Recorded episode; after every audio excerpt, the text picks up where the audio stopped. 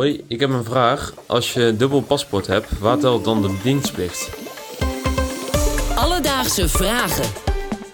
NPO Radio 1. BNN Vara podcast. Met Merel Wielaert en Aaron de Jong. Dankjewel Robin voor je vraag. Tja, dienstplicht. Merel, ik weet niet hoe het met jou zit. Nou, ik weet het eigenlijk wel, maar ik heb deze nooit hoeven doen. En achteraf gezien ben ik er ook wel blij om. Ben jij eigenlijk een type voor de dienstplicht? Nee, ik vind het eh, überhaupt een waanzinnig idee dat dat eh, bestaat. Of wel bestaan heeft hier in Nederland. Omdat je, ja, ik kan er toch niet zoveel aan doen als, als leiders van landen besluiten dat ze elkaar in de haren willen vliegen. En dan moet ik in één keer opkomen draven. Ja, dat vind ik echt waanzin. Nee, ik eh, ben er zelf ook geen fan van. Dat gezegd hebben we, terug naar de vraag van Robin.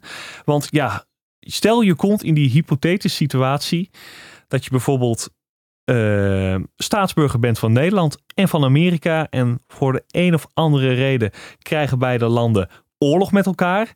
Ja, voor wie moet jij dan vechten? En voor een antwoord op deze vraag heb ik contact opgenomen met het ministerie van Defensie. En zij hebben speciaal voor ons een jurist het laten uitzoeken. Daar was ik al behoorlijk blij mee, want ja, ik dacht deze hypothetische vraag, gaat er ooit een antwoord op komen? Er is dus over nagedacht. Er is over nagedacht en we hebben een antwoord. Kort gezegd, mocht je in een situatie belanden dat je twee nationaliteiten hebt en dat die twee landen met elkaar in oorlog komen, dan beland je in een complexe situatie. Over het algemeen wordt er gekeken naar het internationaal recht.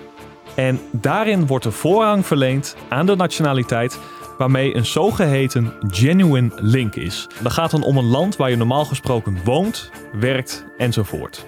Oké, dus dat wordt als je hoofdnationaliteit gezien. Precies. Mhm. En dan zou je in dat geval voor dat land nou ja, moeten, Uit moeten ja, komen. moeten komen opdraven bij de dienstplicht. Maar goed, mocht het dus zo hypothetisch zijn dat je in twee landen woont waar je evenveel bent en familie hebt en wat dan ook.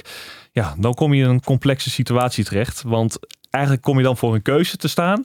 En elke keuze die je maakt, ja, die is dan fout. Met name als beide landen verplichte dienstplicht hebben. Want als dat het geval is, dan kan het zo zijn dat die twee landen die oorlog met elkaar hebben, jou als een staatsburger van de vijand zien. Ja, het komt erop neer dat je dan altijd voor één van je twee nationaliteiten als vijand wordt gelabeld. Klopt. Daarom terug op die dienstplicht. Een nonsens man. Alledaagse vragen. Ja, Merel, die hypothetische situatie van zo net is natuurlijk behoorlijk zeldzaam en zal zelden voorkomen. Maar iets wat wel veel vaker voorkomt in een oorlog zijn natuurlijk mensen die willen vluchten, het liefst naar een ander land toe. En ik moest toen meteen denken aan ja, wat nu in Rusland gebeurt met al die jongeren die het land ontvluchten om maar niet in die zinloze oorlog in Oekraïne te vechten.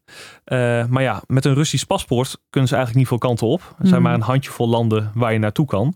Maar toen bedacht ik me, kun je gewoon een buitenlands paspoort kopen? En wat blijkt met dat zoeken? Dat kan gewoon, zelfs bij ons in de EU. blijf het gewoon heel bijzonder vinden dat heel veel, zeg maar, tussen haakjes, gewone mensen zijn soms jaren bezig om aan een paspoort te komen, omdat ze, weet ik veel, ergens graag willen wonen, leven, werken. En je kan dan in sommige gevallen, als je veel money op de bank hebt, gewoon je identiteit kopen. Ja, precies. Dat heet namelijk ook wel gouden paspoorten. En dat zijn paspoorten die je kan kopen als je heel veel geld hebt. Nou, heb je bijvoorbeeld een miljoentje liggen, eh, dan kun je staatsburger worden in Malta. Behoorlijk bizar. En iemand die alles weet van dit is onderzoeksjournalist Siebe Sietsma. Hij is voor Nieuwsuur helemaal in dit onderwerp gedoken. En hij vertelde mij ook waarom dit zo'n groot probleem is. mensen maken zichzelf op deze manier ongrijpbaar. Eh, hè, dus als je een hele rijke Rus bent en je hebt ontzettend veel geld in Rusland verdiend, dan kun je dat met je meenemen Europa in. En eh, dan kan Poetin niet meer bij je geld. Nou, dat is misschien niet zo heel ingewikkeld nog, zou je zeggen, want eh, je gunt Poetin ook niet zoveel geld misschien. Maar aan de andere kant is het dan zo dat bijvoorbeeld de boycott die de Europese Unie heeft ten opzichte van Rusland, dat die omzeild wordt. Want je kunt als Europese Unie wel zeggen: wij willen geen geld uit Rusland onze Unie in hebben. En rijke Russen die zijn hier niet welkom. Maar ze zijn er al. Hè? Ze zijn al eh Maltees. Ze hebben hun geld al hier gestald. Dus dat maakt het heel lastig om eh, bepaalde groepen mensen, bepaalde volken op een bepaalde manier te behandelen. Ja, als ik het goed begrijp, kan je dus met veel geld je eigenlijk altijd ergens inkopen, waardoor je niet meer het probleem hebt van je vorige situatie. Ja. Maar ik vraag me ook gelijk af, vindt de EU hier niet iets van en kan het nog steeds? Of was dit iets wat vroeger kon? Ja, een eh, behoorlijk vreemde situatie vond ik zelf ook. En Siebe die vertelde daar het volgende over. De EU heeft uh, Malta en Cyprus op de vingers getikt. En die zijn ook bezig met een onderzoek om te kijken hoe ze dit kunnen stoppen. Want een Maltese paspoort is niet alleen een Maltese paspoort, maar ook een EU-paspoort. Dus als je een Maltese paspoort koopt, als Rus bijvoorbeeld, dan ben je ook meteen EU-burger. Dat maakt het ook zoveel geld waard. Dus de EU vindt dat vervelend en heeft gezegd: wij gaan ermee aan de slag om te kijken of we daar iets tegen kunnen doen. Inmiddels heeft wel Malta al zelf maatregelen genomen en heeft gezegd: wij gaan geen paspoorten meer verkopen aan Russen en Wit-Russen. Dus er wordt inderdaad wat aan gedaan. Dat wil nog niet zeggen dat het probleem uit de wereld is. Want ja, die Russen uh, die inmiddels dat paspoort hebben, ja, dat kun je ook niet zomaar afpakken. En daarnaast zijn er nog tal van andere landen, ook buiten de EU. Zeker. Waar je zeker zo'n paspoort kan kopen. Dus als je een Rus bent en je hebt geld, ja, dan zal zoiets... Gewoon het hele concept van een paspoort kopen. Weg ermee. Dus Robin, om een antwoord te geven op je vraag, waar telt je dienstplicht als je een dubbele nationaliteit hebt? Als we van het internationaal recht uitgaan, dan is dat waarschijnlijk het land waar een genuine link mee kan worden vastgesteld.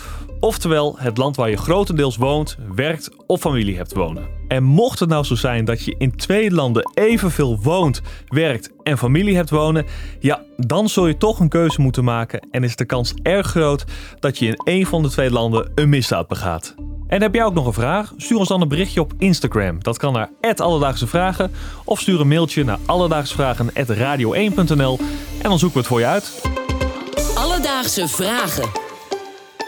NPO Radio 1. BNN Vara. Podcast.